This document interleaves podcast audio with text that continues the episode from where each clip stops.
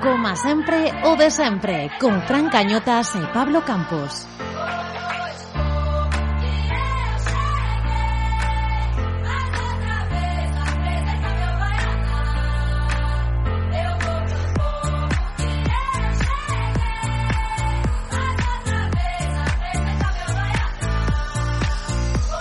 Vinte nove programas, é dicir, a semana que ven cumplimos 30 edicións. Igual temos que preparar algo especial, pero é que pff, o de hoxe tamén ben cargadiño porque cinco victorias consecutivas, eh, Campos? Algo especial haberá para a semana que ven. Eu creo que algunha entrevistiña guai podemos podemos sacar. Señoras, señores, queden, queden connosco, porque comeza, como sempre, o de sempre.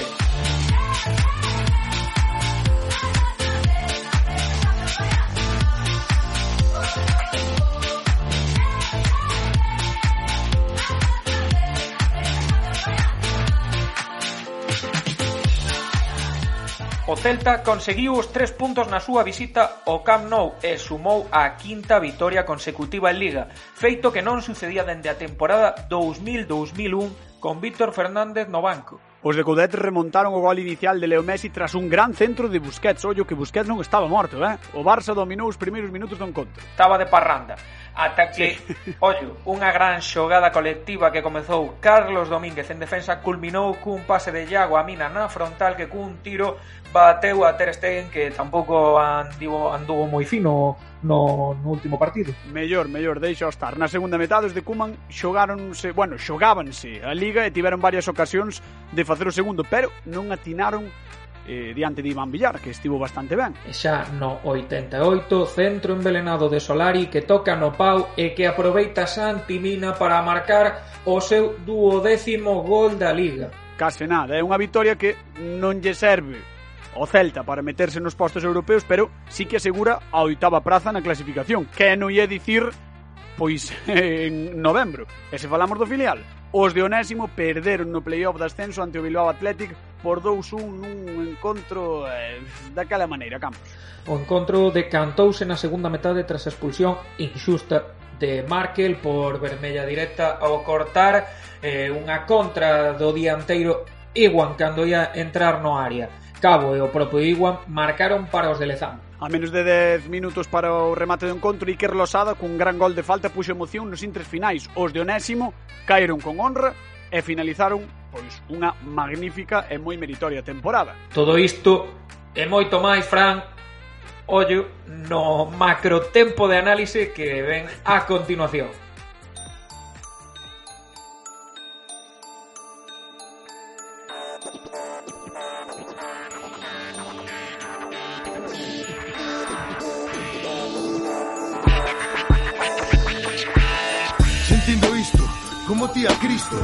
As ideas son condes de Montecristo Escapan da opresión como os Sex Pistols Escapan de min, ajóchanse Nos lares máis raros e variopintos todos nos bares menos caros bebo quintos. Atento a non vivir de ilusións Mellor imposible como a Jack Nicholson Mellor parrillada que a George Dan Porque xa non o la pega, xa non o la dá No tempo aquel no que soñaba coa Marvel. Os minutos son de balde cando non somos grandes Logo. Mostrarche o ouro que gastará a túa carne A inocencia será o maior tesouro que che mangue. Este a merda que se expande no meu tempo Hai pouca marxe, uso vendemento da linguaxe Como excusa e imaxes coaccionan a psique Son as fases da persoa intrusa que vai a pique. Abusan os caciques.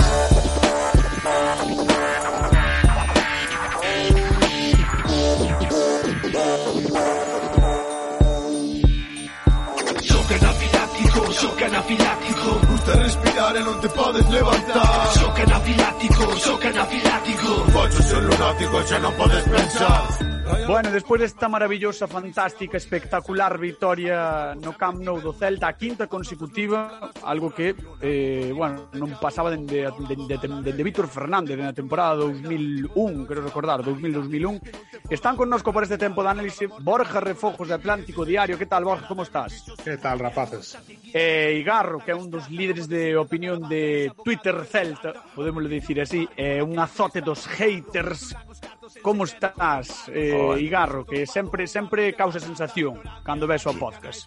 Sobre todo por mal, ben. Por... Vos días a todos, rapaces. Sobre todo por, por mal, por ser mala persoa, dixo, non. Por... No, no, no. Xa me puxeron as pilas por falar da, da NBA. Ves, eh, é que te metes en cada fregado, macho, é que de verdad, non, non. Que é o malo de non saber. ou de saber demais, nunca se sabe, sí. eh? Sí, pode ser de non saber ou de saber demais.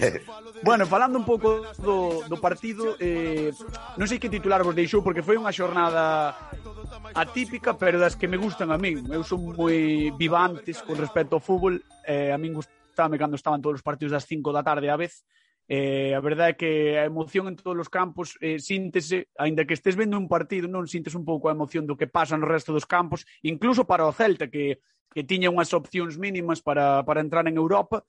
Eh, non sei como vistes vos o, o partido diante do, do Barça. Borja, por exemplo, contanos. Bueno, eu o primeiro que teño que dicir é que non o puiden eh, vivir demasiado en directo, non? Inda que resulte paradóxico, eh, no noso mm. traballo moitas veces pasa que tens que facer outras historias e non, e non eh, perdes de ver outras. No meu caso, pois, eh, anduven toda a tarde co, co tema do Coruxo, co tema do Celta B, entre outras varias cousas, e non puiden ver o, o partido, si que tiñen, eh, tiña posta a radio para para ir seguindo como iba a cousa, e, e bueno, vino, vino en diferido, por suposto, eh, E bueno, eh, evidentemente eu estou de acordo contigo, Fran, que é unha xornada eh, son xornadas fantásticas, fantásticas eh, moi emocionantes para, para os espectadores, porque ao final, aparte do teu equipo, a, a todos nos gusta o fútbol, non? Eh, Sí, e tanta emoción, eh, tanto polo título de Liga como por abaixo polo descenso, se cadra un pouco menos polo, polo tema europeo, sobre todo no, no, no, tocanto Villarreal que, que resolveu moi cedo o partido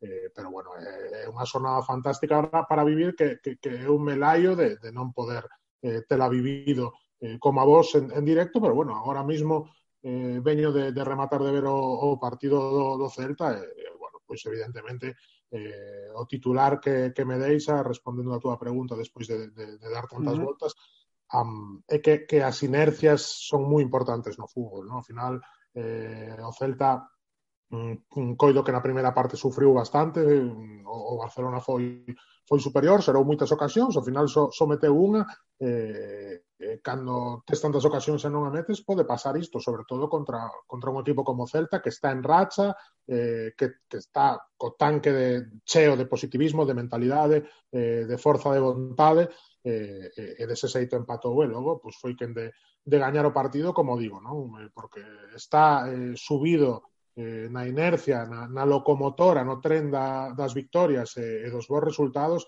e cando estás nesa dinámica eh, prácticamente gañas cañas sen querelo, eh? Fíxate o que te digo, gañando eh, no Camp Nou contra, contra todo un contra todo un Barcelona, así que evidentemente inda que non a, o triunfo non dera para, para acabar a clasificación europea, eh, bueno, penso que é un final de tempada para estar primeiro moi orgullosos do equipo eh, e segundo moi moi moi satisfeitos polo, bueno, pues polo, polo xen competitivo e o xen gana, gañador que lle meteu Eduardo Coveta a este equipo. Eh, Igarro, titular do partido, eh, eh, bueno, ao fío do que dicías ti, ademais da, do, que, do que dicía Borja, ademais de, das cinco vitorias consecutivas, que vitorias, non? Porque gañar en Villarreal, gañar no Camp Nou, eh, non está ao alcance de calquera. Sí, eh, totalmente. Eh, son victorias moi importantes e eh, aparte hai que ver tamén a forma de, de gañar porque en Villarreal xogouse moi ben pero logo hai que valorar. Eh, no Camp Nou chegamos con oito baixas e con aspas tocao. Se eso ten un mérito tremendo. E logo competir, porque neses campos ti, aínda que gañes, recordo o ano que ganamos co gol de la Ribey, mm. non sei, el estivero... Vale, estuve eu, Iván. Eh, cantos palos, Cantos Adiós. palos houve? Tres, catro? Tres, eh, sí, aparte Sergio, sí, ese día Sergio parou ata os taxis, foi un espectáculo. Exacto. ¿no? Era o debut exacto. de Luis Suárez, o debut de Luis Suárez no Camp Nou. Eh, mm. eh, bueno, espectacular o partido de Sergio, espectacular o partido do equipo a nivel defensivo. Eh, logo esa pizquiña de sorte que sempre tes que ter para gañar un campo así, eso, eso Exacto. Exacto. Un pouco, un pouco Pero... como esta fin de semana. Men, bastante máis, quero decir, este fin de semana ao final o Barcelona sí que puido levar un marcador amplio, pero non foi un antes do descanso. Puido irse con 2-1, 3-1, pero tampouco fixo méritos pa como dis, uh, é que nos, nos poden meter 12, non? En realidade, eles, ainda que metesen todas as oportunidades, que podería meter 4 goles, non máis. Se, non podes ir ao Camp Nou e pretender ter un partido cómodo. Totalmente. Se tes a moitísima sorte de que podes competir, con, hai que ter unha pisquiña, pero logo se gañas sai impresionante, pero é que hai que valorar oito baixas, columna vertebral, sin os dous porteiros titulares, sin Murillo, que é o, o metalismán da defensa para Coudet, sin Tapia, O sea, seguramente, se a Coudet lle din que non lle poden sacar a dous futbolistas, el igual non dicía nin aspas, el igual dicía Tapia máis Murillo. Creo eu, eh? Mm. Xa vamos, chegamos en cuadro eh, e sacamos tres puntos, algo impresionante. Algo impresionante, ten un mérito espectacular. Penso que é a terceira ou cuarta victoria no, no Camp Nou en 98 anos de historia. O sea, unha mm-hmm. cousa, unha cousa tola, totalmente. Uh -huh.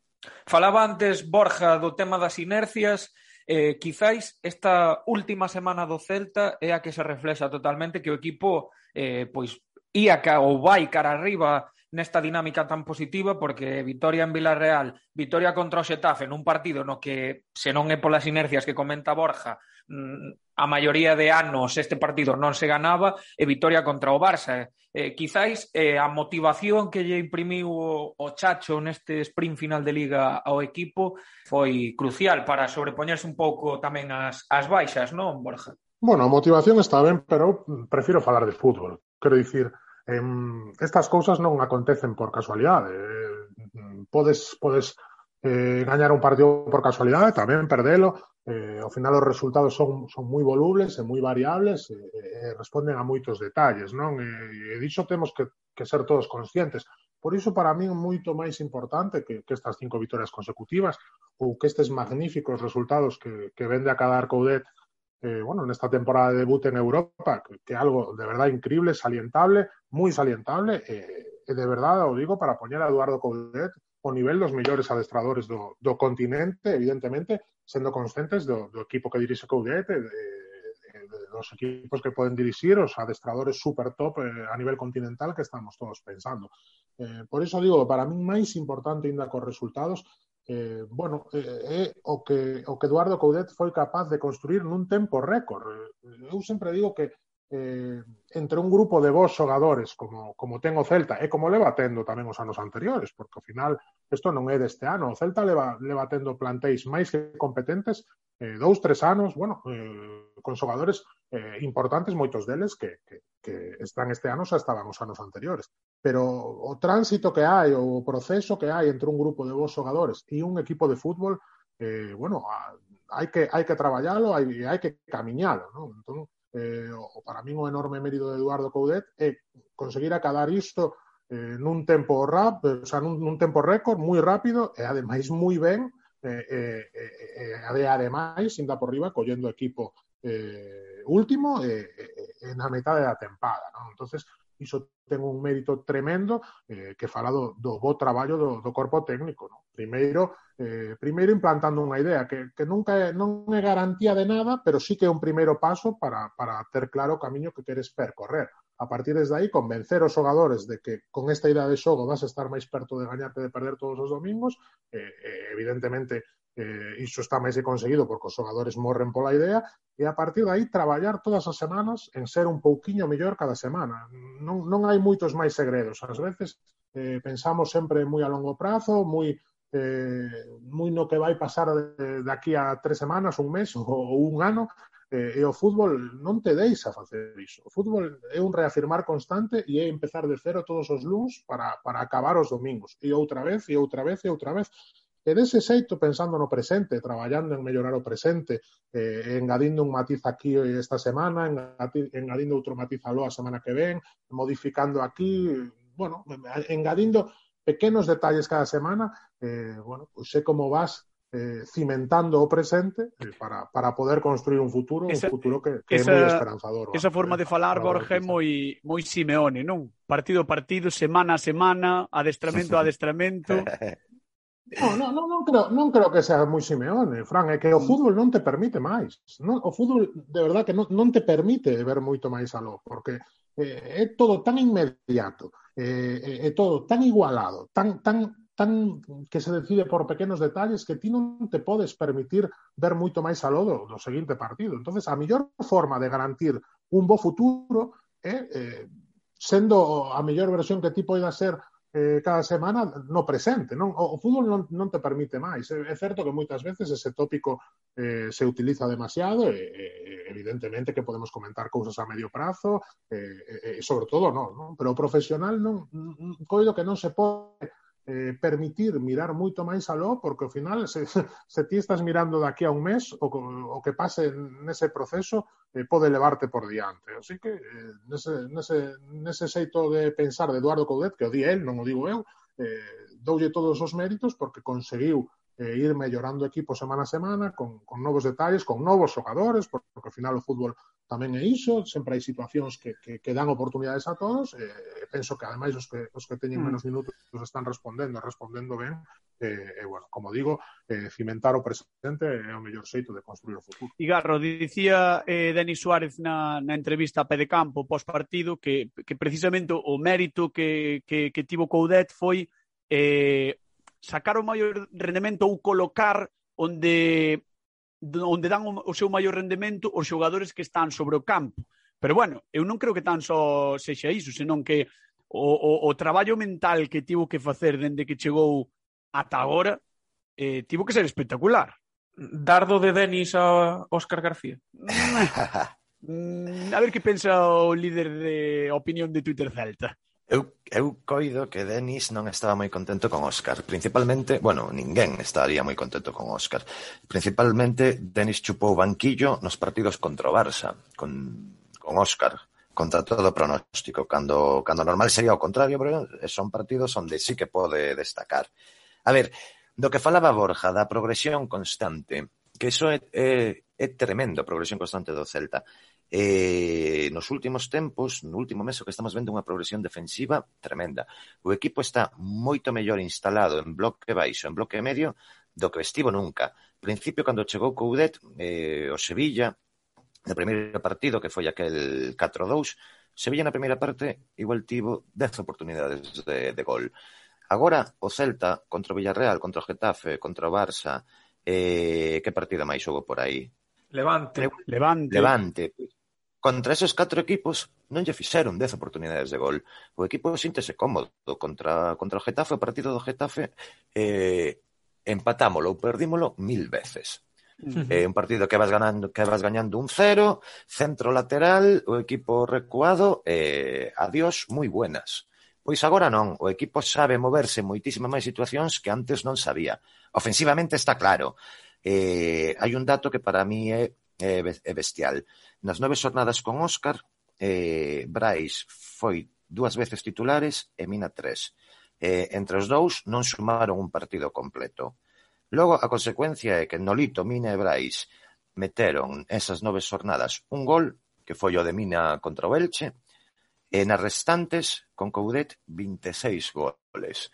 A forma de xogar do equipo para diante está claro que tamén, eh, sobre todo a Brais a Denis, eh, potencios moitísimo, moitísimo, porque eles si son eh, xogadores, bueno, eh, eu, de, eu de Brais son o máximo defensor. É un xogador que sempre tivo un moi bo rendemento defensivo, que non se lle valorou. Agora si se, si se, lle, si se valora máis. El é un home para robar en 5 10 segundos. Eh, ten unha presión moi boa. O futbolista para mí eh, fora do alcance do Celta. Únicamente para mí hai dous, dous xogadores que se saen da esfera de xogadores que podía ter o Celta. Son Brais e Aspas. A partir de aí, todo, todo demais o podemos falar. Logo, hai datos. Coudet fixo eh, ten unha media de 1,63 puntos por partido. Iso daría 62 puntos nunha temporada. 62 puntos en condicións normales e eh, loitar polo, catro, polo carto posto Son unha auténtica barbaridade, unha auténtica barbaridade. Xa, a melloría é espectacular e cada día unha cousa nova. E, e ves que o equipo cada vez ten máis recursos. Eh, dá igual as baixas, dá igual, eh, dá igual todo, dá igual o rival. O equipo vai ter cada día máis cousas, máis cousas, máis cousas. Parece que non ten teito. É que eso é o que estaba pensando eu agora mesmo, é que nestas últimas xornadas parece que dá igual quen, quen xogue, como quen, como quen di, porque eh, lesionase Hugo, poño a Kevin, lesionase Araujo ou Aidó, poño a Carlos Domínguez ou a Fontán, lesionase Tapia, poño a Fran Beltrán, que non está aspas, poño a Brais, e, e, e saen as cousas igualmente. Eso tamén é, é unha, un acerto do Chacho, unha, eso que comentaba Borja, de que prevalece a idea sobre os nomes, e que tamén a dinámica positiva, pois eu tamén creo que axuda bastante a que se den estas situacións. E o da posición ver, eso... que dicía Denis. Ui, perdón, Borja, dalle. No, non, perdón, Iván. Digo, que eso que comenta Pablo para min demostra unha cousa que moitas veces perdemos de vista, non? A nos gustanos moito falar de, de xogadores a nivel individual, de que ben está de forma este, que ben está aquel ou que mal está aquel outro, eh, é algo que nos encanta.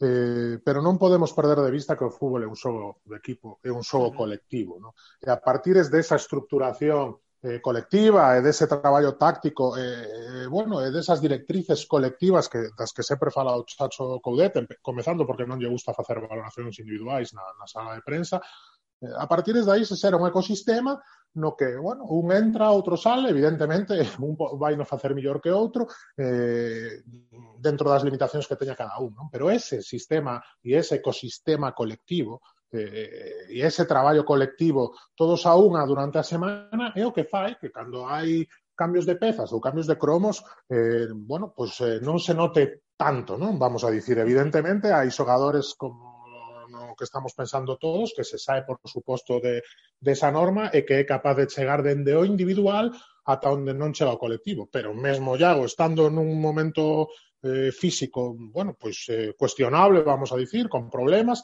que, que está longe da, da súa plenitude, o equipo está sendo capaz, como digo eu, como estou dicindo, como un equipo de, de sostener a idea do adestrador e sobre todo, sobre todo, de, de competir en cada partido contra calquera rival, máis aló do que logo podas gañar, perder ou empatar, porque eso, como dicimos, eh, é moi variable. Non? O importante, o máis importante, é que con esta idea de xogo, e con, con, sobre todo con, con este equipo de fútbol que construiu Eduardo Coudete e os seus xogadores, eh, é capaz de competir todos os domingos e é capaz de estar máis perto de gañar que de perder moitas máis veces eh, eh, durante a tempada do que do que acontecía eh, antes. Hai, hai, hai un, un dato que, que, que me apuntou aquí Campos que é moi interesante que xo, xo falamos algunha vez no, pod, no podcast eh, é que tan só se perdeu no 2021 contra un equipo de posición inferior como é o Valencia 2-0 con esa expulsión de Rubén, recordaredes o, o partido. Iso é algo que pff, históricamente eh, o Celta pois estes últimos anos, sobre todo, loitando por non descender hasta as últimas xornadas,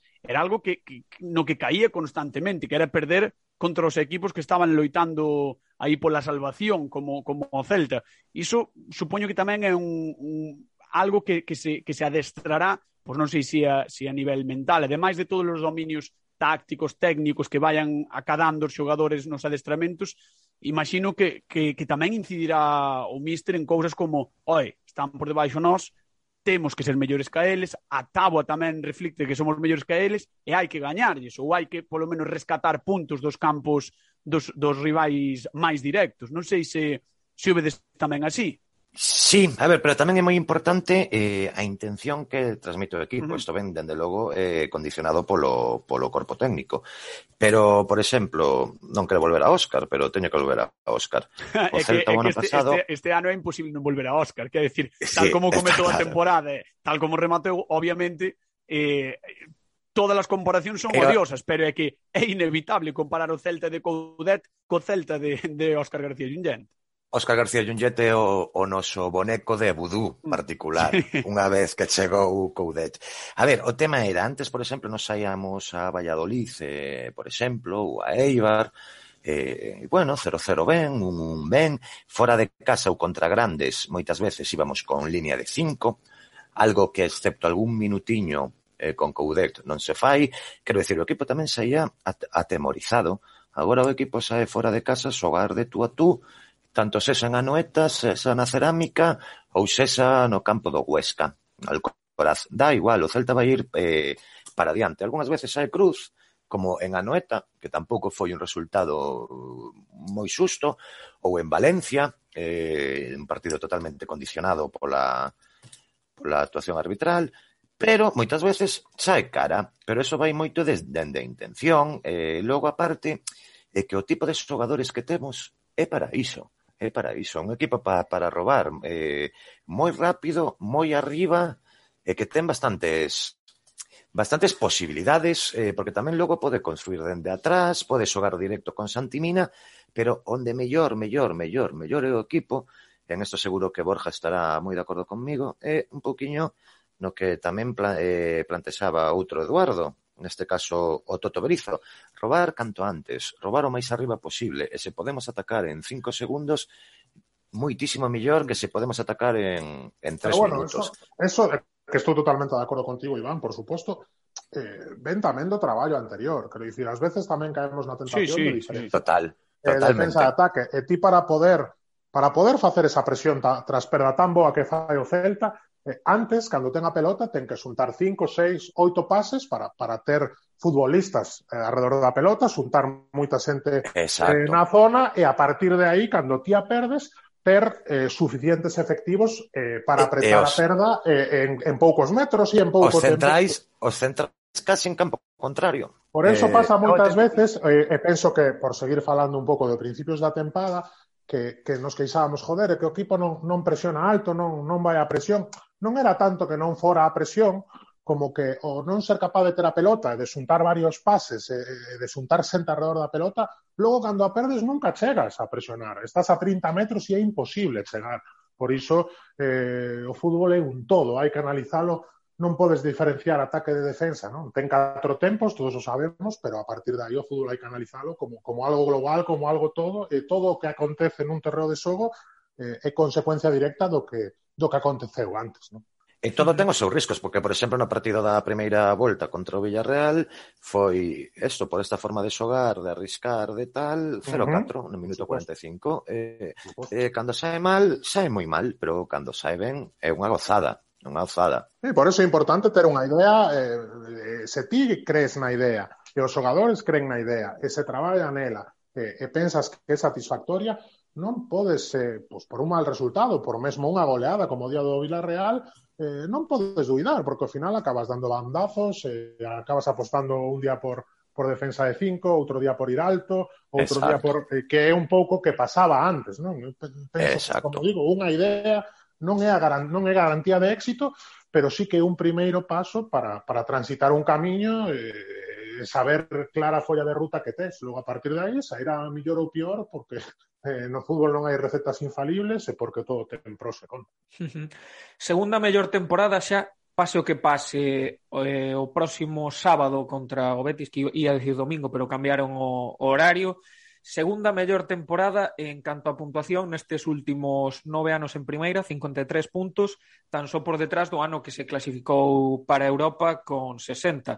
A verdade é que eh, é o que falamos sempre. Se nos din isto en, en novembro, flipamos todos. Eu creo que ninguén, nin o máis optimista, nin a persoa máis máis optimista do celtismo apostaría por, por, esta, por este final de temporada ou esta segunda volta do, do Celta, non, Borja? Pois, pois sí, pois sí, a verdade. Eu penso que son razonablemente optimista. Eh, sempre no meu foro interno sempre pensaba que había moi bons xogadores, que con traballo, con esforzo se, se iba a dar coa tecla, mesmo ainda que seguís o anterior adestrador. E que ao final o Celta, bueno, pois podría cadar unha salvación máis ou menos tranquila, pero, pero unha salvación. Pero este, bueno, este nivel evidentemente de puntuación, sabes, xa non digo de, de fútbol, porque ao final sí que, sí que agardas, non? Que con cos mimbres que hai eh, se traballe, se mellore e se consiga bueno, pois ter un equipo eh, que, que, xogue, que xogue ben o fútbol ou que, ou que teña unha idea e a ben, porque ao final o de xogar ben o fútbol é moi subjetivo e depende de moitos factores e, e de moitas opinións persoais, pero sí que agardaba non? Que, que, que o equipo dera coa tecla e poidera eh, xogar ben. Logo, os resultados, como digo sempre, que é algo que, que depende de, de moitos detalles. Non? Nese sentido, penso que, evidentemente, Eduardo Coudet axudoulle moito eh, enganchar esos bons resultados cando chegou, porque evidentemente coas derrotas, das derrotas aprendes máis, pero das victorias aprendes millor. Entón, eh, bueno, ese, esa, esa, ese primeiro tramo de tempada con tantísimos puntos, pois pues, deulle moita tranquilidade para afrontar logo un tramo intermedio no que os resultados non foron tan bons, vale? Pero pero que eh, tiñas primeiro ese, ese colchón de puntos acabado, bueno, no comezo, e, e sobre todo, sobre todo, esa idea eh, que se estaba desenvolvendo moi ben e que, e que en na que creían bueno, evidentemente, tanto o corpo técnico que, que, que implanta como, como os xogadores, non? E para min esa é a receta do éxito no fútbol, do éxito e da, e da esperanza a futuro, non? Porque, ao final, eh, máis aló de, como digo, non esta extraordinaria puntuación e de, e de pelexar por Europa casi casi ata o último día, eh, máis importante todavía é ter, como digo, unha estructura, un armazón eh, para, para a próxima tempada, para facer unha boa pretempada co, coa planificación que se faga, coas fichaxes que cheguen, coas baixas que, que, po, que poda haber, eh, pero sobre todo eso, unha estructura de equipo eh, que moitos xogadores eh, que, que están sendo protagonistas van a seguir, a partir de aí esperanza, ilusión, eh, eh, bo bravo vamos a pasar todos, primeiro porque porque se vai acabando esta maldita pandemia, e segundo pensando en que en que o ano que ven podemos ter un Celta ilusionante e, e coa xente no estadio que, que é algo pois, maravilloso de pensar. Sabedes a mí o que me ilusiona? O día no que fagamos a primeira churrascada do como a sempre de sempre. Ese día vai ser, ese día vai ser, aí sí que vamos celebrar todo. Ademais, o encargado de facer o churrasco vai ser Borja Refojos porque se ah, fica cocina, se que cocina bastante ben. Sí, sí, sí, sí. Ah, eu si queres, eu que me iba encargar. Eu, no, eu si queres, eu presento te si queres, sabes? avalíoche, avalíoche churrasco. bueno, bueno. pero, pero encantado, de, encantado de verdad. Bueno, que... que... Encantado, non, non sempre se pode asar en este último ano e medio, por desgracia, moito menos. Sí, non? sí. non sempre se pode se pode asar o aire libre, así que encantado de facer churrasco para, para todos. De todas formas, como dicía outro, eu churrasco a forno como.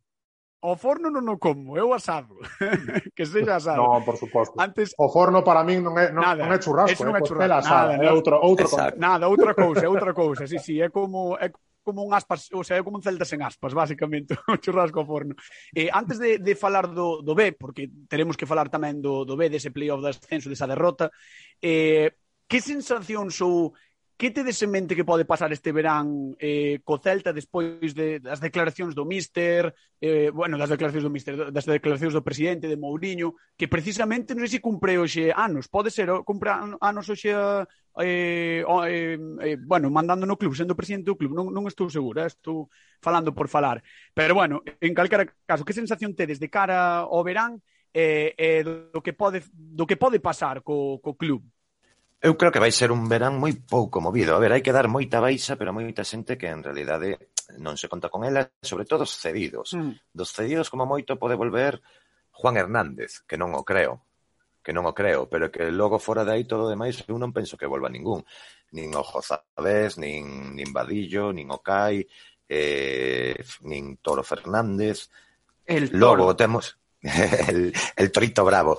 Logo que remata contrato Jorge Sanz, tamén fora, remata contrato Junca, que nos queda? O tema costas, o tema amor, que vai ser complicado en ambos os dous casos darlle saída, eh, e logo plantilla corta, con que pode vir? Un, un lateral esquerdo, se non está Arón, virá Cervi, virá un 9 e virá un central. Agora haberá que ver se, se Manicho ou ou ou destro, é que non hai moito máis, o sea, vai ser bastante pouco, bastante pouco movimento.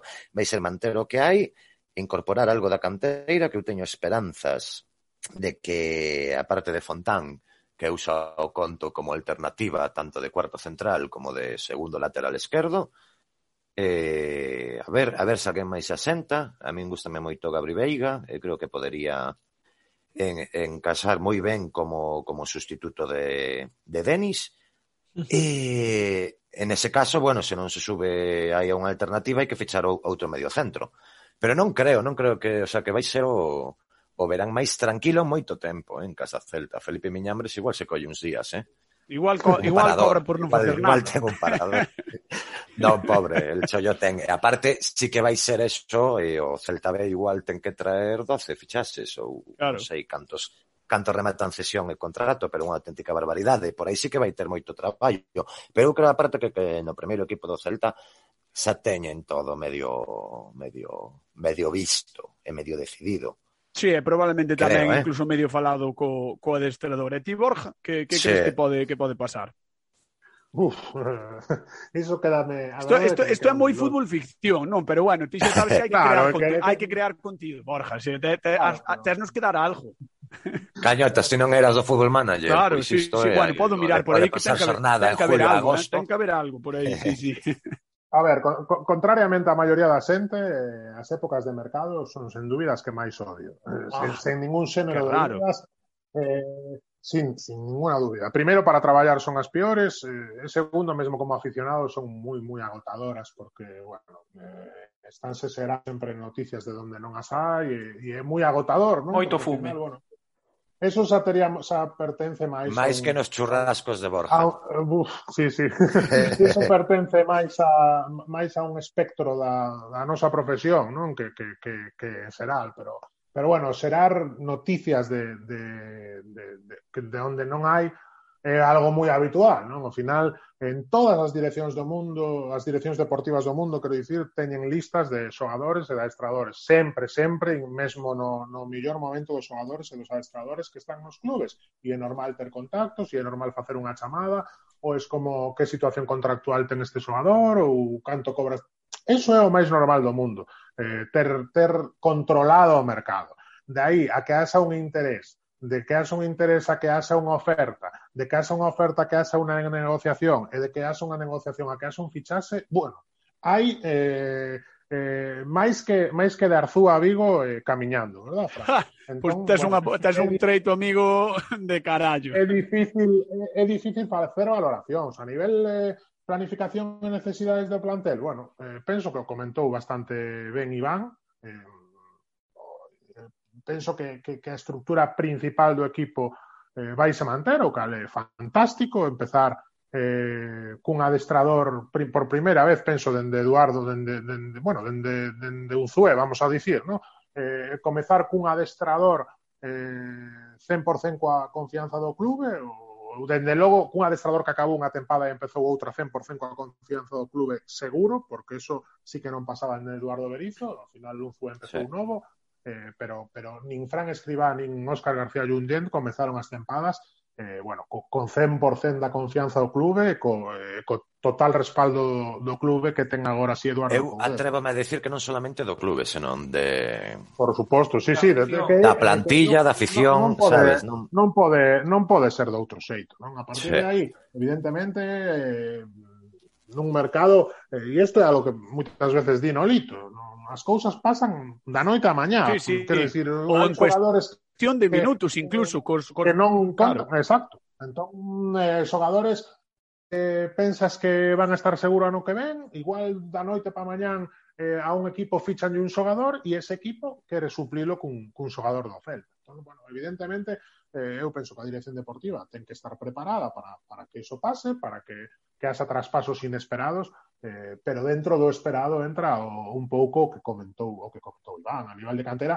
Eh, quero dicir tamén, por exemplo, Sergio Carreira eh, este ano, este brao, acaba a súa vencellación, digamos, como xogador como xogador do filial. Ten un contrato moi habitual que fai o Celta aos xogadores do filial, eh, que son dous anos no Celta B e cando pasan eses dous anos eh, hai un corte. Entón, o, o clube ten que decidir de xeito unilateral eh, se quere facer o xogador do primeiro equipo ou, ben, ese xogador teria que quedar libre, non? Eh, foi un pouco que pasou con, con AP, que quedou libre, ou, pola outra banda, o que pasou con Juan Hernández, que acabou os dous anos de, de filial eh, e o clube decidiu subir no, subir no primeiro equipo e na que logo o cedera. Non? entonces eu penso que evidentemente non cabe outra cousa na cabeza que pensar que a Sergio Carreira o, o, o van a manter sería algo absolutamente inexplicable que este futbolista saíse libre, sendo, sendo un auténtico diamante, como, como ten o Celta na cantera, e logo, bueno, a partir de aí, pois, pues, haberá, haberá que ver que pasa co plantel, con xogadores tipo Kevin que, que o millor eh, queran probar eh, sorte fora para, para ter máis minutos, bueno, eso durante o brao xa iremos comentando, pero comentando cousas que pasen, non cousas que imaginemos. Claro. Eu escoitaba onte a entrevista da Liga que lle fixo a Coudet e xa pensaba este discurso, mm, este adestrador argentino, tamén de nome Eduardo, sóname todo, non quero facerme ilusións, pero, pero a cousa polo menos parece que pinta ben de portas para fora. Sí, eh, a ver, sen duda Coudete pode ser un adestrador para construir moito tempo. Eh? A ver, moito tempo logo é un poquinho como todos. Sí, moito eh, tempo no fútbol son outra... dúas temporadas ou tres, o sea... Exacto, exacto, sí, sí. O raro, o raro é un Iago Iglesias como no Compos, ainda así, mitad da afección dividida con que marche e que non, sabes? O sea... Exacto. E non podemos eh. perder de vista de que eh, Eduardo Coudete novo nesta liga, pero eh, a este nivel tampouco vai durar moito, quero decir... Eh, penso que é un entrenador moi atractivo para moitísimos equipos europeos. Primeiro, fai un fútbol moi moderno é un fútbol moi europeo, do, do típico que se di un pouco cuñado, ¿no? do ritmo, es que los equipos españoles no tienen nivel para jugar en Europa, polo ritmo que poñen. Eh, os equipos de Coudet sí que, te, sí que teñen ese ritmo, e moitísimo máis incluso. Quero decir, igual pasado mañá chega unha oferta máis grande, xa non temos adestrador.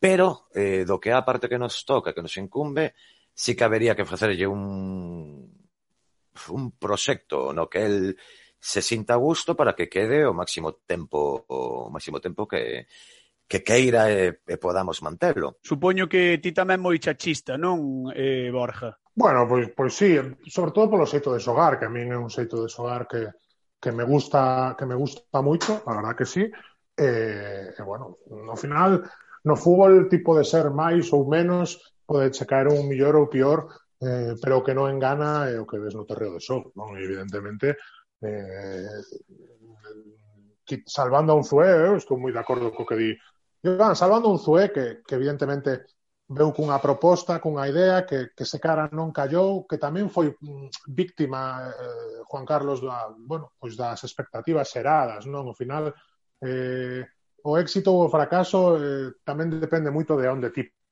partes. Mm. Eh, cando partes de, dunha liña de saída eh, moi afundida, como, como é o caso desta tempada, ou o caso de cando se ascendeu dende segunda división, eh, que, que, bueno, que ibas cunhas expectativas baixas, evidentemente eh, isto se valora dun xeito bueno, pues como se merece, non? Eh, por todo alto, non? No, no, no caso de Juan Carlos Unzué foi todo o contrario. Eh, viñas de dúas semifinais de Copa do Rei e dunha semifinal europea, e sobre todo dunha forma de xogar que serou unha identificación co equipo que eu dende que, dende que sigo Celta non vin nunca, eh, un, un orgullo do celtismo polo seu equipo gañarse, perderse ou empatase, que de verdad que nunca vivín, e que un agardo eh, poder vivilo do, outra vez, porque realmente foi algo moi fermoso, os tres anos foron moi fermosos, e o Gallá, eh, que, por que non, con Eduardo Coudet, eh, poida repetirse unha experiencia similar, xa non digo en éxitos deportivos, senón do que estou a falar, non? de identificación e de orgullo do, do Xeareiro co, co seu mm. equipo. Non? Entón, eh, penso que Juan Carlos Unzué foi un pouco víctima diso, máis aló de que, bueno, a súa idea de xogo non terminara de, de funcionar. Logo, a partir de aí, a impresión é que, eh, que nada saiu, que nada eh, funcionou, que mesmo oh, dentro do, dos propios adestradores eh, houbo tumbos, quero dicir, non, xa non só de cambio de adestradores un cunha idea e outro con outra, senón os propios adestradores dando tumbos porque porque Mohamed eh, bueno, con, con, con todo respeto non, non, non chegamos a saber a que xogaba. Foi, eh, Cardoso, foi como un pouco broma, non? Un, Ahora idea. así co tempo, o tempo pasado bueno, foi como un pouco no, no, ver, é mellor claro, ver, ver ese, ver ese, ese adestrador ca ca, ca cruz, eh, cas gafas... Ah, bueno, eso, Fran, para min é o sí, de menos, sí, pero, de bueno, verdad. Refiro, o sea, refiro, evidentemente chamaba sí, moito atención, chamaba moito pero atención. o que pasaba no, xa non digo, non digo a súa, o que pasaba súa, no, no terreno claro, de sol... Xa non digo iso. E non digo mm. nos partidos, eh, senón pola semana. Sí, sí, claro, eh, o sea, xa, eh, eh, eu non, non, imagino, o sea, non quero imaginar o que viades vos en, aí na Madroa, pero pero no, despois... ver non viamos nada, que non deixan. Vale, bueno, que non deixan, claro, pero... A, a todos nos chegan con no. Eu, antes de, de, de deixarlle a Campos que, que peche coa, coa última pregunta, o último bloque de preguntas, eu único que, que vou dicir é eu non sei nada de fútbol comparado con vos, que sodes, que sodes todos ilustrados do fútbol comparados comigo, pero o que o que o único bueno, carallo, que bueno. Claro, bueno, o único, bueno, Borja, o único que teño claro é que o fútbol, os clubs, eh, o aficionado móvese pola ilusión. E obviamente a ilusión que, que despertou o Chacho en Vigo había moitísimo tempo que non, que non se despertaba e simplemente eh, conseguir iso pois eh, favorece moitísimo o camiño dun adestrador e, e dun equipo. Eu creo que esa é a base do éxito del a parte de todo o traballo, obviamente, que ten detrás, o que falaba Borja, e todas as, todas as, os matices, todo o que conseguiu el, todo, todo todo a, a forma de xogar, absolutamente todo, sí, pero eu creo que a ilusión é fundamental. Se non hai ilusión, eu creo que o, o, o proxecto está morto. E, e o Chacho conseguiu ilusionar eh, a, ao afeccionado, conseguiu ilusionar ao celtismo, á cidade, Entón eu creo que iso é no que nos temos que o que nos temos a, que agarrar, a ilusión e, e xa está, é o único que teño. Cañotas, non sei se falas de fútbol ou falas de amor. Das dúas pero... cores, porque eu agora mesmo claro, estou super enamorado na vida, na miña vida tamén estou para, super enamorado do Celta, entendo. Para non saber, para non para dicir, para dicir que non sabes de fútbol, a verdad que que o clavaches, non? Eu só engadiría que o que dixeches esa ilusión que para estou totalmente de acordo que é o motor de todo, decías tú, ademais do traballo, ademais dos matices, ademais do fútbol, eu non diría ademais de, eu penso que unha cousa é consecuencia da outra, non? Outra, o traballo eh, claro, eh, con, exactamente. consecuencia de estar consecuencia, perto de gañar exactamente. eh, conseguilo, ademais xogando deste xeito que, que tanto lle gusta a xente pois ao final eso metes todo nunha cocteleira así tas ben e, e o cóctel que sacas o vaso é, eh, é ilusión que evidentemente é o motor eh, xa non sí. só do Real Cruz Celta senón do, senón do fútbol en xeral e, e se me apuras mm. da, da, vida, da vida en xeral tamén. E despois dadevos conta que eu de fútbol non, pero de comunicar un pouco sí que sei, ou polo menos eh, eh, estudiei para iso. Eu creo que eh, só a forma que ten de falar, só a forma que ten de expresarse na, na, nas conferencias de prensa, eh, eh, de, de prepartido, pospartido durante a semana, iso transmite moito ao afeccionado e supoño que tamén transmitirá moito ao xogador. Entón, claro, a ilusión tamén ven eh, diso, de, de, da forma de ver as cousas, da forma de ver o fútbol, de, de ver a vida e de ver o celtismo, non? Ou de ver o club incluso. Entón, claro, iso é, é fundamental eh, dende que chegas a, a un club hasta, hasta que marchas, obviamente. E agora sí, Campos, todo teu. Bueno, pois pues seguimos falando de ilusión Agora voume tirar o titular sensacionalista. Roboulle a ilusión eres, o eh? señor colexiado outro día o Celta B no partido contra o Bilbao Athletic. Credes que eh, a expulsión foi a que decantou o partido a favor dos, dos rapaces de Lezama ou, ou como vichedes un pouco o encontro, Borja? Bueno, ao final eh, eses partidos de playoff eh, sempre se di, non? Que se deciden por, por pequenos detalles. Eh, desta volta de pequeno o detalle tipo pouco, non? Porque ao final eh, é unha acción que marca, bueno, completamente, totalmente o, o, bueno, o resultado final do partido, un partido no que antes da expulsión do Marque Lozano o Celta estaba sendo millor. Eh, despois dos sete minutos posteriores um, a expulsión de Marque Lozano, no que realmente o filial eh, quedou aturdido, quedou golpeado e foise un pouco do partido, tamén foi todo bueno, da inexperiencia propia de, deste, dun equipo filial, tamén foi millor, non? Incluso con 10 eh, acabou pechando Bilbao Athletic, eh, metendo un gol, mandando un balón o, o longueiro, e, tendo ocasións mesmo para, para empatar, e de feito o filial do Athletic Club acabou rematou pedindo a hora e, e sufrindo, non? Bueno, pois Evidentemente non, non podemos analizar o partido se, sen, sen evitar comentar a, bueno, pues, a, xogada que o decide mm, en, en grande medida, non en grande medida. Tampouco tampouco podemos dicir eh, que sea todo, pero evidentemente non eh, é unha acción eh, que para min, e o digo de verdade, eh, penso que non, non, cando falo trato de non levar a bufanda posta, nin a camisola posta, eh, penso que de ningún xeito pode ser cartón vermello, eh, Eh, fíxate o que te digo, teño dúbidas ata que se se falta, ¿no? porque eh, o control a Ewan quédaselle atrás, quédase a pelota atrás, nese momento Markel chega, eh, contacta, hai unha carga, eh, eh, arrebata o balón. Bueno, eh, aí entra a interpretación do árbitro, eh, se, se esa carga é suficiente para indicar falta ou non.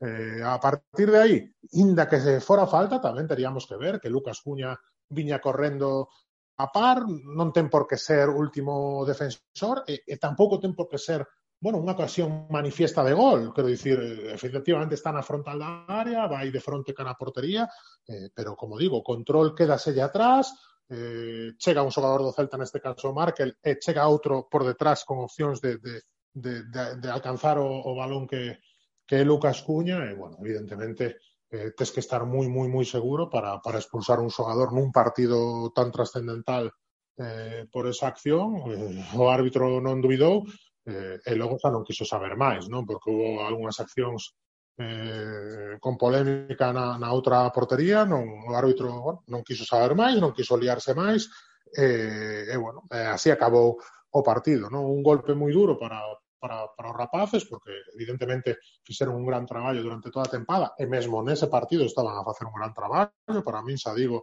eh, ata a expulsión o Celta de foi millor, e despois deses sete minutos, dez minutos posteriores á expulsión, con un menos tamén foi millor, pero, bueno, ao final, eh, volvo, remato co, co, como comecei, non? Estes partidos decídense eh, acotío por pequenos detalles e cando en troques de ser pequenos detalles son detalles moi moi grandes como este, pois moito máis.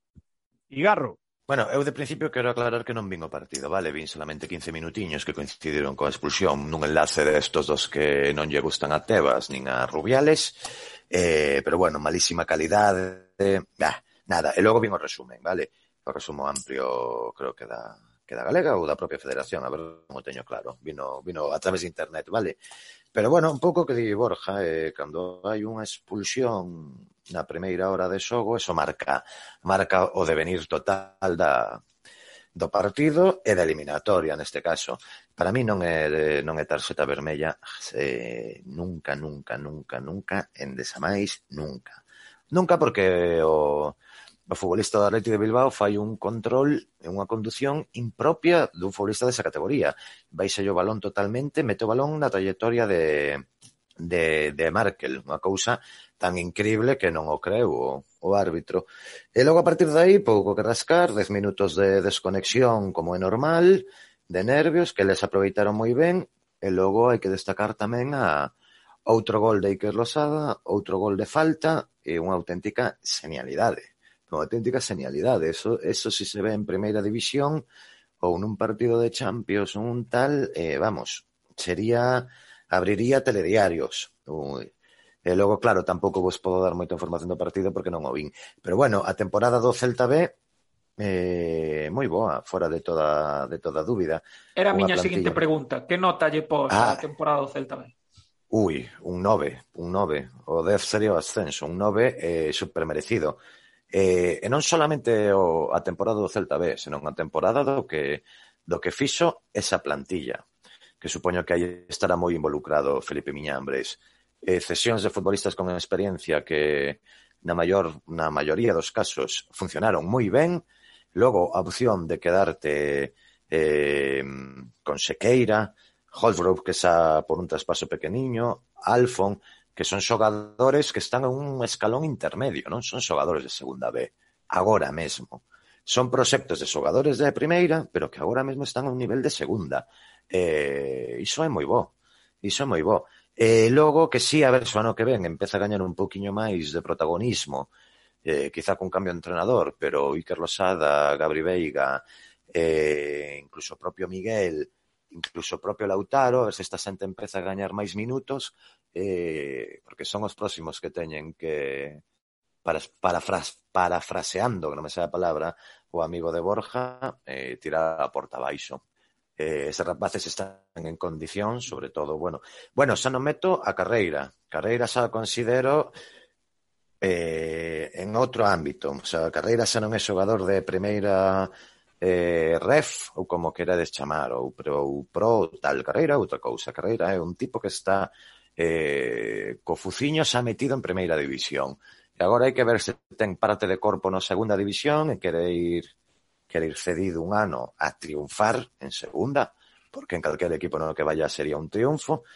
E logo están estes rapaces un pouquiño máis xóvenes que, Eh, que Carreira, que vamos, que están a puntísimo tamén e teñen que ganar eh, 50 partidiños en, en segunda B eh, para estar listos, listísimos, e máis que feitos, e máis que o churrasco no forno que non lle gusta a Borja. No, non, non é que non me guste.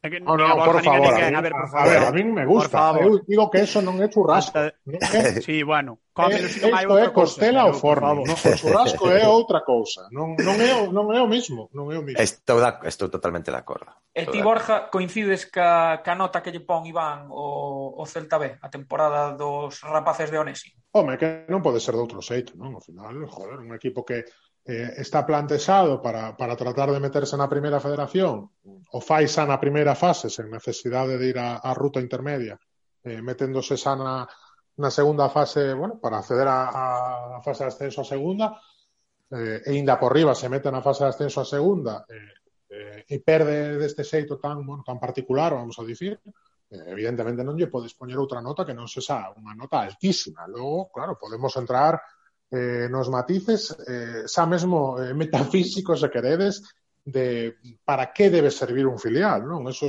se cadra sería eh, bueno, eh, fariña de outro costal ou, ou para unha tertulia eh, propia, non? Porque evidentemente eu penso que xa todos temos claros que os filiales eh, deixaron de ser eh, a última fase formativa para ser a primeira competitiva. Non? Entón, bueno, Moi de acordo vendo dende ese prisma, evidentemente a nota é moi alta, moi, moi alta. Logo, a nivel formativo, bueno, eh, eu de verdad gustaríame que, que xogadores que poden ser o futuro de Celta, do Celta como Gabri Veiga, um, bueno, tiveran máis minutos, que, que Miguel Rodríguez houve un tramo da tempada que, que tiña máis minutos en primeira que en segunda B, mesmo que, que, que tiña minutos en primeira e sen debutar en segunda B, Eh, pero bueno, hai, hai tempo e tempo tampouco. E o propio Veiga tamén, eh? O propio tamén, Veiga... Eh, Entonces, tamén, hai que, tamén, mm, hai que ser tamén conscientes que, que, bueno, que, que as etapas de maduración dos rapaces, eh, aparte cada un, cada, cada persoa ten,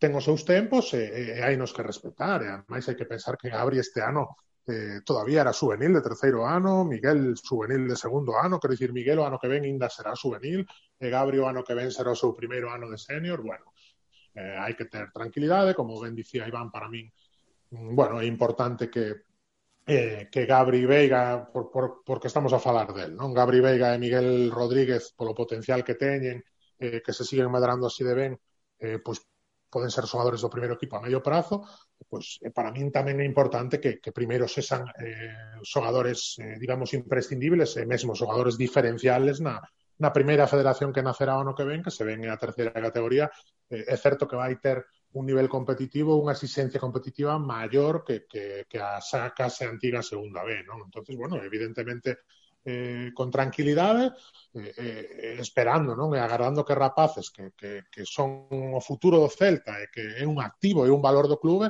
eh, poidan seguir medrando, poidan eh, seguir evoluindo e podan a medio prazo ser unha opción para o primeiro equipo e outros como, como Sergio, por suposto como José, mesmo como Carlos Domínguez que está mostrando eh, que pode ser unha alternativa, pois, pois se lo de dende, de a tempada que ven. E xa para pechar a ultimísima pregunta, porque está nos a quedar unha tertulia a máis longa do que levamos sí, sí. de Pero que está podcast, claro, sí, que te sí, vas sí. Eh. a falar de churrasco e tal, e ao final, claro, líes. Como dicía o Fari, hai que deixar aos rapaces que camelen. Entón, hai que deixar falar Claro, que camelen, que sigan camelando, eh, que hablen. bueno, pois pues, a última pregunta. E xa, contando que o señor adestrador Onésimo parece casi seguro xa que non vai seguir eh, o fronte do Celta B, a día 18 de maio de 2021, quen credes que vai ser o próximo adestrador do Celta B. Esto se acertades, o sacamos o día que o anuncien, se non se fallades non pasa nada, queda aquí guardado e, e ninguén se, se lembra. No, no, se acerta, espera, aí, vamos vamos facer unha cousa, porque igual, Igarro igual se arrisca, e Borja vexo un pouco máis complicado, que non lle gustan estas cousas, pero se se arriscan e acertan, fora broma que facemos a cunca do coma sempre e regalámoslle o que acerte. Que che parece, Campo? Perfecto. Veña, firmo. Veña, pois pues veña. Ahora xa verás como nos oh, se vai. O chantaxe. Está, está así, está así. Pois pues veña, vamos, vamos comezar por Igar. A veña. ver, quen crees ou quen che gustaría e crees que pode ser o adestrador do Celta B a temporada que ven? Vou dicir quen creo non, vou arriscar. Nin é que me gustaría, nin é quen veña. creo, pero vamos lanzar un tirabuzón doble invertido cun 360 Creo que vos vai gustar o nome. De la Barrera. Bueno. era boa. De la Era boa, eh? Era boa. Vale, vale. Hostia, que sí. vai ser de la Barrera. Atención, Eu creo que vai ser eh, Jago Iglesias, pero, pero de la Barrera molaría. Bueno, entonces, pero a ver, ¿a ti quen che gustaría? Vamos, vamos a decirlo claro. Que me gustaría? Te gustaría? Eh, quen che gustaría? Mira, eh, gustaríame os Irmáns Montes. Vale. E quen crees que vai ser? Yago Iglesias. Entón non vais ser de la barrera, tío. Entón está estar Pero de la, eh, que molaría. De la barrera, gustaría, gustaríame moitísimo polo, Sería pola diversión. Curioso, canto menos. Curioso, sí. canto menos. Bueno, primeira aposta o Iglesias é para Borja Refojos o que non lle gusta facer prediccións nin tirar campanas ao bo. Quen Quen, a que, quen lle gustaría, primeiro? Quen lle gustaría que fose? Que, home, quen me gustaría, evidentemente, é moi difícil de saber. A min gustaríame que fora Jorge Cuesta, porque leva facendo un traballo mm. espectacular eh, no División de, de Honra Juvenil durante 4 ou 5 anos, antes no cadete de División de Honra, eh, e, bueno, mm. penso que penso que debe eh, hai que apoiar a canteira de xogadores no clube, tamén está ben apoiar a, a canteira de adestradores, non? A partir de aí, sabendo que eso é moi difícil, xa, xa en segunda vez é moi difícil, pero ahora coa primeira federación... Na primeira, claro. É eh, prácticamente imposible que eso aconteza. Sabes o malo? Sabes o malo diso? Que se logo vai mal e o largan os seis meses, eh, dar o paso de que volte outra vez, ah, claro, sabes? Iván, pero bueno, eh, eh, eso... Eh, o juvenil eh, ou tal...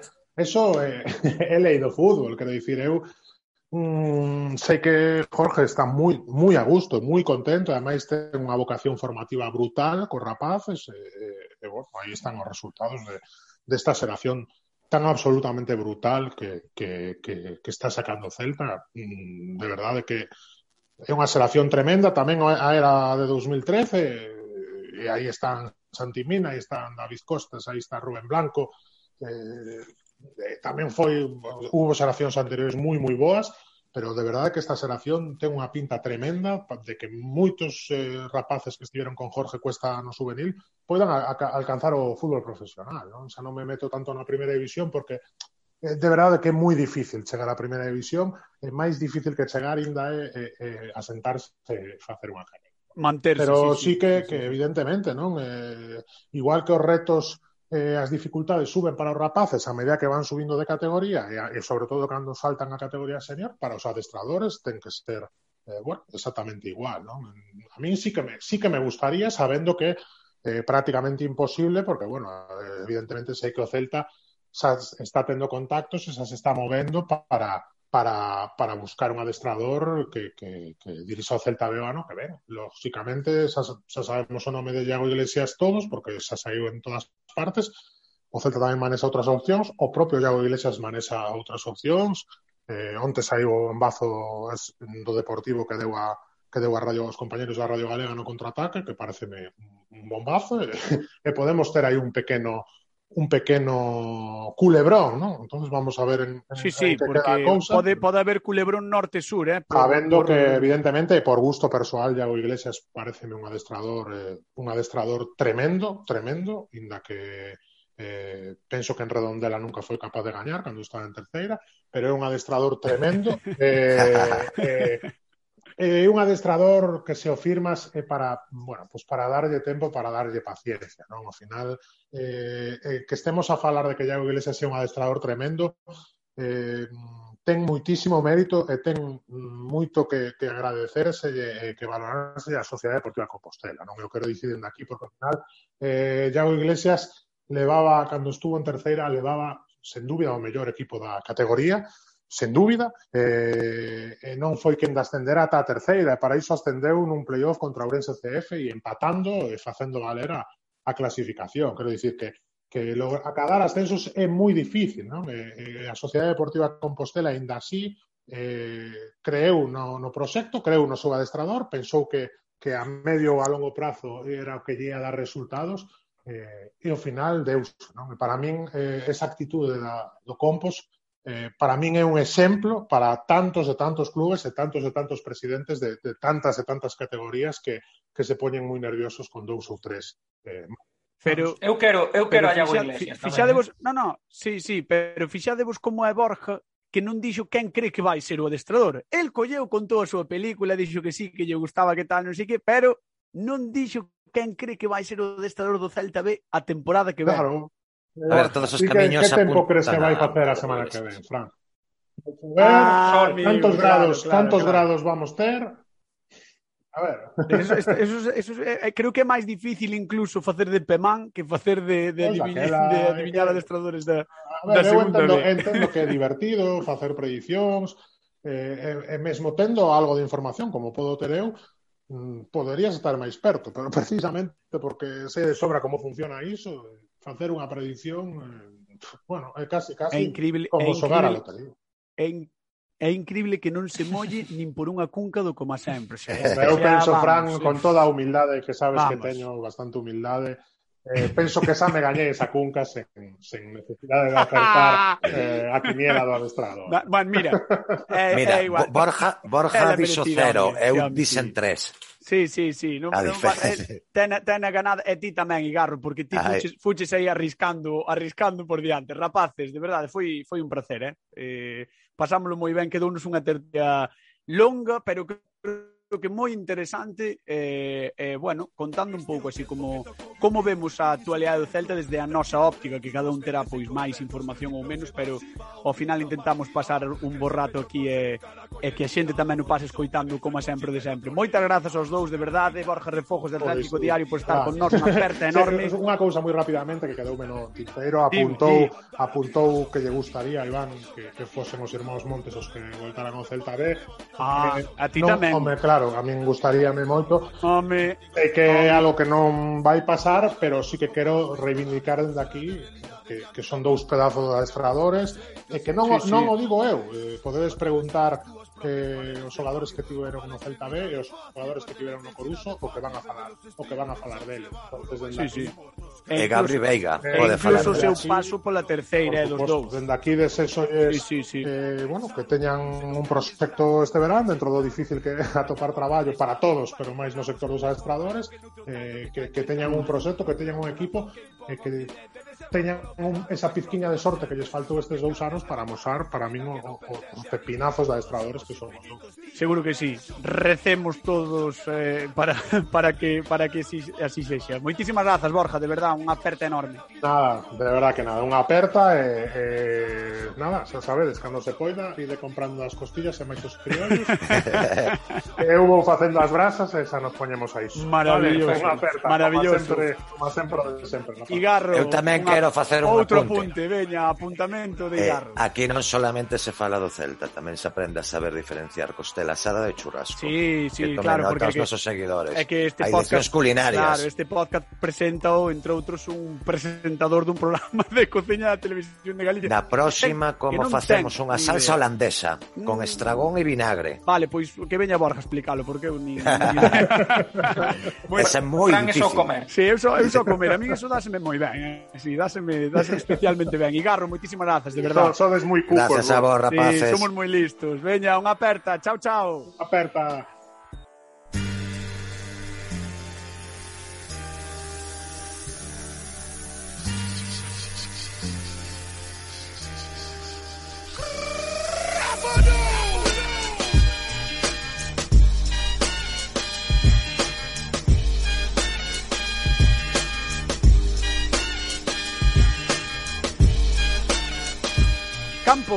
Última xornada de Liga. O Celta recibe o Betis de Borja Iglesias en Balaídos para pechar o campeonato ligueiro. Os de Coudet xa non teñen opcións europeas e serán oitavos paso que pase no partido do próximo sábado ás 6 da tarde. Por contra, o Betis xógase o posto final na clasificación. Agora mesmo é sexto con 58 puntos e está a un punto da Real Sociedade que é quinta e ollo porque ademais está empatado a puntos co Villarreal que é o sétimo. Pois sí, dependerá tamén de se o Villarreal gaña ou non a Europa League si gaña, irá, gaña, bueno, as demais. contas de, de Europa, xa sabes o que se leva comentado todos estes días.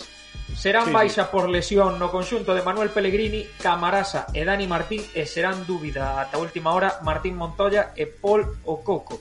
No Celta, en remor, ollo, en remor, ten o alta médica e Oh. estará a disposición de Coudet no que pode ser o seu último partido La- la vuelta. co Celta. La vuelta del hijo pródigo. Pola contra, Iago Aspas, Hugo Mayo, Josef Aidú eh, José Fontán será en dúbida ata a última hora por de diferentes molestias musculares. Bueno, pois veremos que é o que pasa esta semana. 29 edicións do Como Sempre de Sempre. A semana que ven temos o 30. Estamos pensando unha entrevistiña bastante especial a ver como nos queda porque hoxe quedounos unha tertulia, Solo fixemos tertulia hoxe Campos, empezamos a falar, falamos de churrasco, de tal e de cual e ao final, mira, foisenos das mans, señoras, señores, grazas por estar aí, vémonos a semana que ven. Chao, chao. Ata a próxima.